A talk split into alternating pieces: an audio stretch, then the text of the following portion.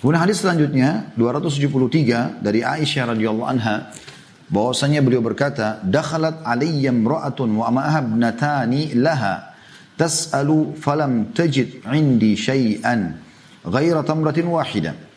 فأعطيتها إياها فقسمتها بين ابنتيها ولم تأكل منها ثم قامت فخرجت فدخل النبي صلى الله عليه وسلم علينا فأخبرته فقال Man ibtuliya min hadhihi albanati bi syai'in fa ahsana ilaihin kunna lahu sitran minan nar. Hadis ini riwayat Bukhari Muslim. Kata Aisyah, Ummul Mukminin radhiyallahu anha, ada seseorang wanita masuk ke rumahku bersama kedua putrinya, anak perempuan dua, untuk meminta-minta, mengemis karena susah. Tetapi dia tidak mendapatkan apa-apa di rumahku selain sebutir kurma. Aisyah pun tidak punya makanan radhiyallahu anha, cuma ada satu butir kurma. Maka saya memberikannya kepada kepadanya kurma itu. Lalu dia dalam kondisi dia lapar pun dia membagi membaginya di antara kedua putrinya. Sedangkan dia sendiri tidak makan sedikit pun. Satu butir kurma cuma itu yang punya. Mereka lagi lapar. Dibagi dua dikasih dua-dua anak perempuannya. Dia sendiri tidak makan. Kemudian dia berdiri dan keluar. Setelah terima itu langsung pergi. Lalu Rasulullah SAW masuk ke rumah kami.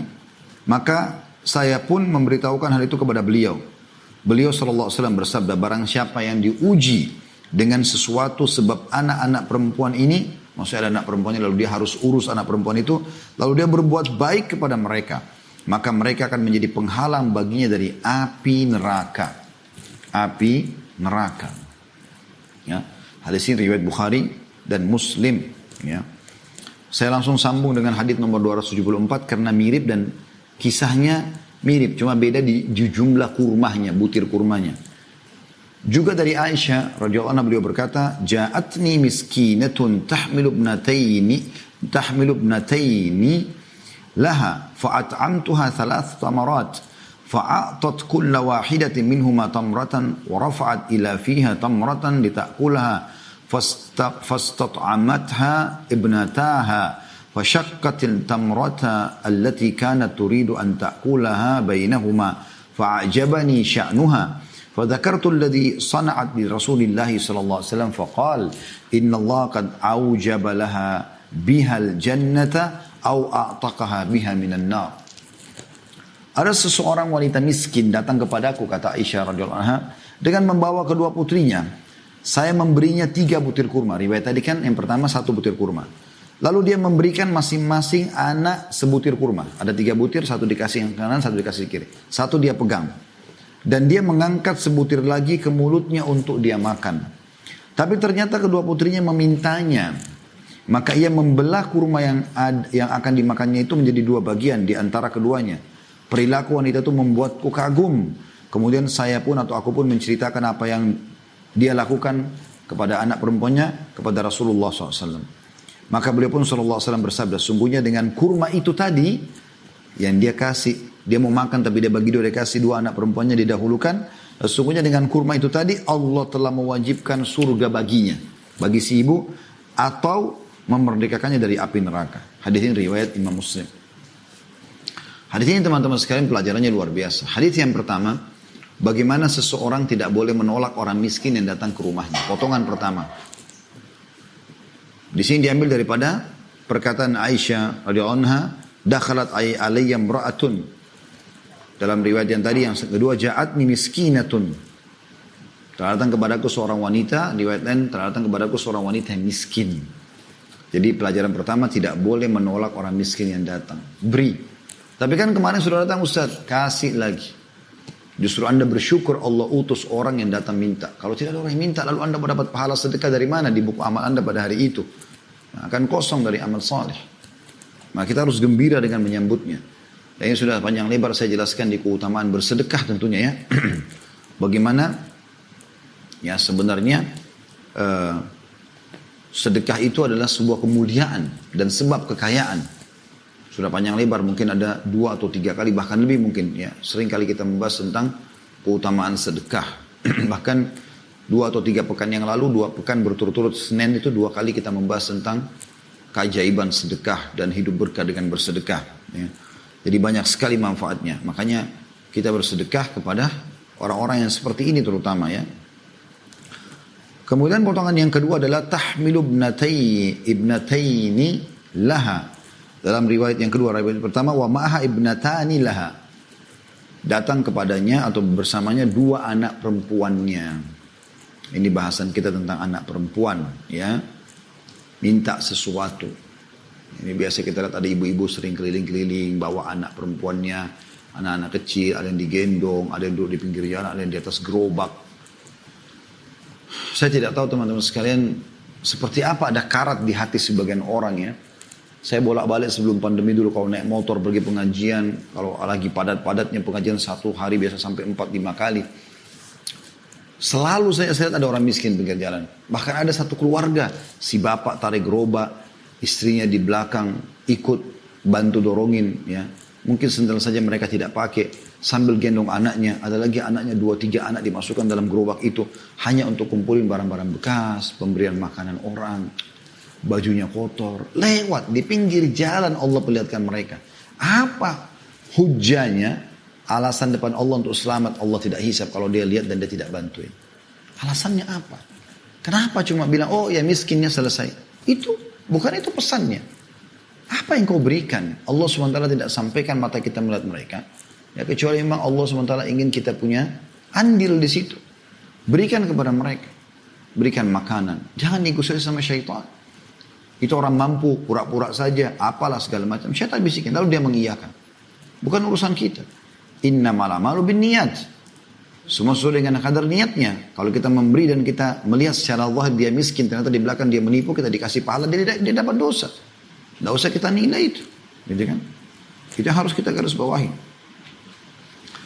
Kemudian potongan yang ketiga adalah dianjurkan agar memberikan yang terbaik yang dimiliki bagi orang-orang miskin. Di sini Aisyah mengatakan radhiyallahu anha di hadis yang pertama, "Falam tajid indi syai'in ghaira tamratin wahida." Dia tidak dapat yang bisa saya berikan dari rumah saya kecuali satu butir kurma. Jadi pada saat itu cuma ada satu butir, Aisyah pun radhiyallahu pengen makan. Tapi beliau mendahulukan orang miskin. Ya, kita pun memiliki rumah seperti itu. Begitu juga dengan riwayat yang kedua, fa'at'amtuha thalath tamarat. Maka aku memberikan kepada ibu itu yang minta-minta tiga butir kurma. Dari riwayat pertama satu ini yang adalah tiga. Di sini bisa bermakna adalah tidak ada kecuali itu. Dan ini termasuk bentuk karam, kedermawanan dalam memberikan sesuatu pada tamu. Berikan yang terbaik buat tamu. Kata Nabi SAW, Man kana yu'min billahi wal yawmil akhir fal yukrim dhaifah.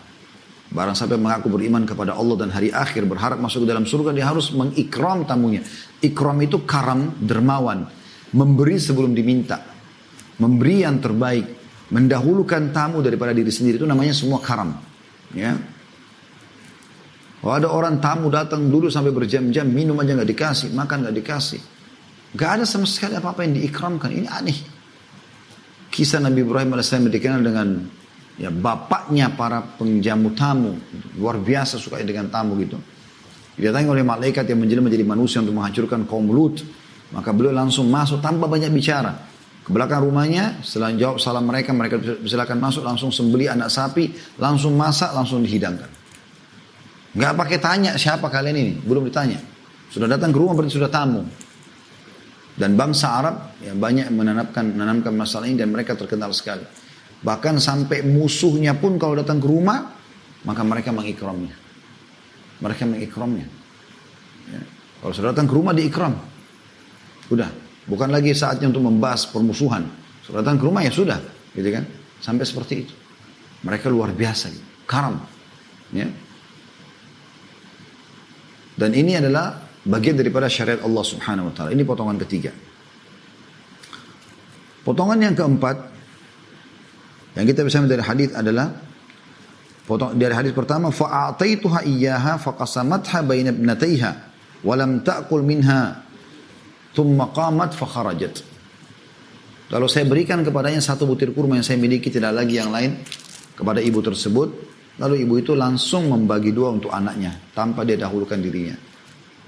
Dalam riwayat yang kedua dikatakan fa'atat kulla wahidatin minhuma tamratan ورفعت إلى فيها تمرة لتأكلها فاستطعمتها ابنتها فشكت التمرة التي كانت تريد أن تأكلها بينهما bainahuma maka di rakaat kedua karena tiga butir kurma dia pun memberikan kurma saat masing-masing anaknya satu dan dia pun mengambil satu buat dia.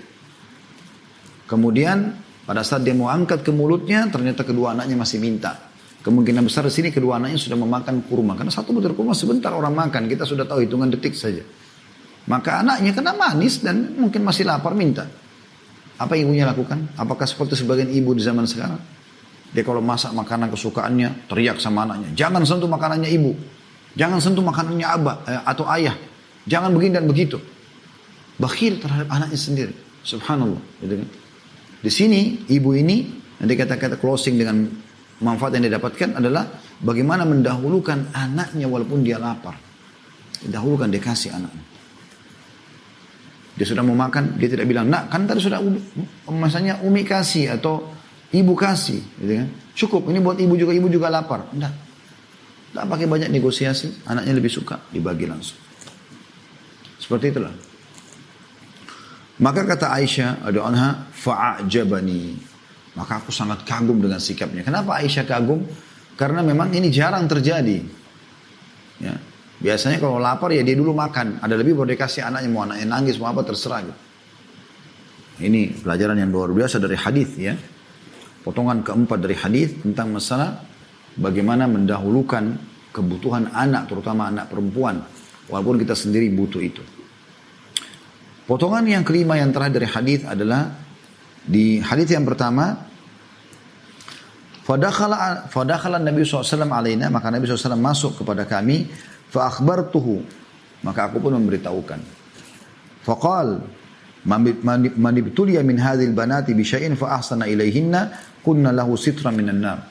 Siapa yang diuji oleh Allah SWT dengan beberapa anak perempuan yang seperti itu, ya, atau anak perempuan, maka lalu dia tetap berbuat baik sama mereka, mendahulukan mereka, ya, memuliakan mereka, maka anak-anak perempuan itu jadi penghalang baginya dari api neraka. Riwayat yang kedua, Fadzakartu alladhi sana'at di Rasulillah sallallahu alaihi wasallam. Lalu aku menceritakan apa yang telah perempuan itu lakukan kepada anaknya. Kagum melihat itu. Dia pengen makan tapi dia tetap dahulukan anaknya dikasih anaknya sudah dapat tadi kurma satu-satu masing-masing di riwayat yang kedua. Faqala maka Nabi SAW bersabda Inna Allah qad awjaba laha bihal jannah. Allah telah mewajibkan aujab, memastikan ibu itu mendapatkan surga karena perbuatannya tadi itu. Au biha minan nar atau menghilang menghapuskan namanya dari api neraka. Ini luar biasa. Ya, begitu banyaknya peluang kita untuk mendapatkan surga dan selamat dari neraka hanya dengan mendahulukan anak perempuan kita. Muliakan mereka. Berikan pakaian yang terbaik, makanan yang terbaik. Mereka memang suka manja, gendong mereka, sayangi mereka, cium mereka. Tanyakan kabarnya, penuhi kebutuhannya. Sampai pernah Hasan Husain lewat di hadapan Nabi SAW, lalu Nabi peluk, ciumin. Dalam riwayat lain dikatakan, sampai Hasan kalau datang radhiyallahu anhu, itu sering kali dipegang tangannya sama Nabi SAW, lalu kakinya menginjak kaki Nabi, terus saja kakinya naik ke lutut Nabi, ke paha Nabi, sampai Nabi SAW tidur di tanah, lalu Hasan ada di atas dada Nabi SAW. Nabi ciumin mereka. Maka ada seseorang dari Badui, sahabat, melihat kaget. Dia mengatakan, apakah kalian cium anak-anak kalian? Hmm. Saya memiliki 10 orang anak, 10 orang anak, belum saya cium sama sekali. Maka kata Nabi SAW, saya membuat apa lagi kalau Allah sudah mengangkat kasih sayang dalam hatimu. Rangkul mereka. Mereka aset gitu. Saya kadang-kadang heran kalau melihat ada orang tua sibuk hanya marah saja sama anaknya. Anak itu sampai luar biasa kayak terpaksa tinggal sama orang tuanya. Anda tahu kenapa anak Anda tidak betah di rumah? Justru karena sikap Anda yang kasar. Kapan Anda baik sama mereka, Anda rangkul mereka, Anda penuhi kebutuhannya, maka pasti dia akan melekat. Orang tua yang berhasil adalah orang tua yang membuat anaknya selalu saja merasa butuh dengan orang tuanya walaupun sampai sudah dewasa, sampai tua pun. Itu orang tua yang berhasil. Hadis selanjutnya nomor 275 dan kita akan lanjutkan insya Allah tinggal tiga buah hadis ya. Berbunyi dari Abu Shuraih Khuwailid bin Amr al-Khuzai radhiyallahu anhu. Beliau berkata Nabi SAW bersabda Allahumma inni uharriju haqqad dha'ifaini al-yatimi wal mar'ati Ya Allah aku menetapkan kesempitan atau dosa pada hak dua orang yang lemah yaitu anak yatim dan wanita. Hadis Hasan diriwayatkan oleh An-Nasai dengan sanad yang jayyid. Lalu dikatakan oleh Imam Nawawi rahimahullah makna ya, di sini uharriju adalah aku menimpakan dosa pada orang yang menyanyiakan hak keduanya.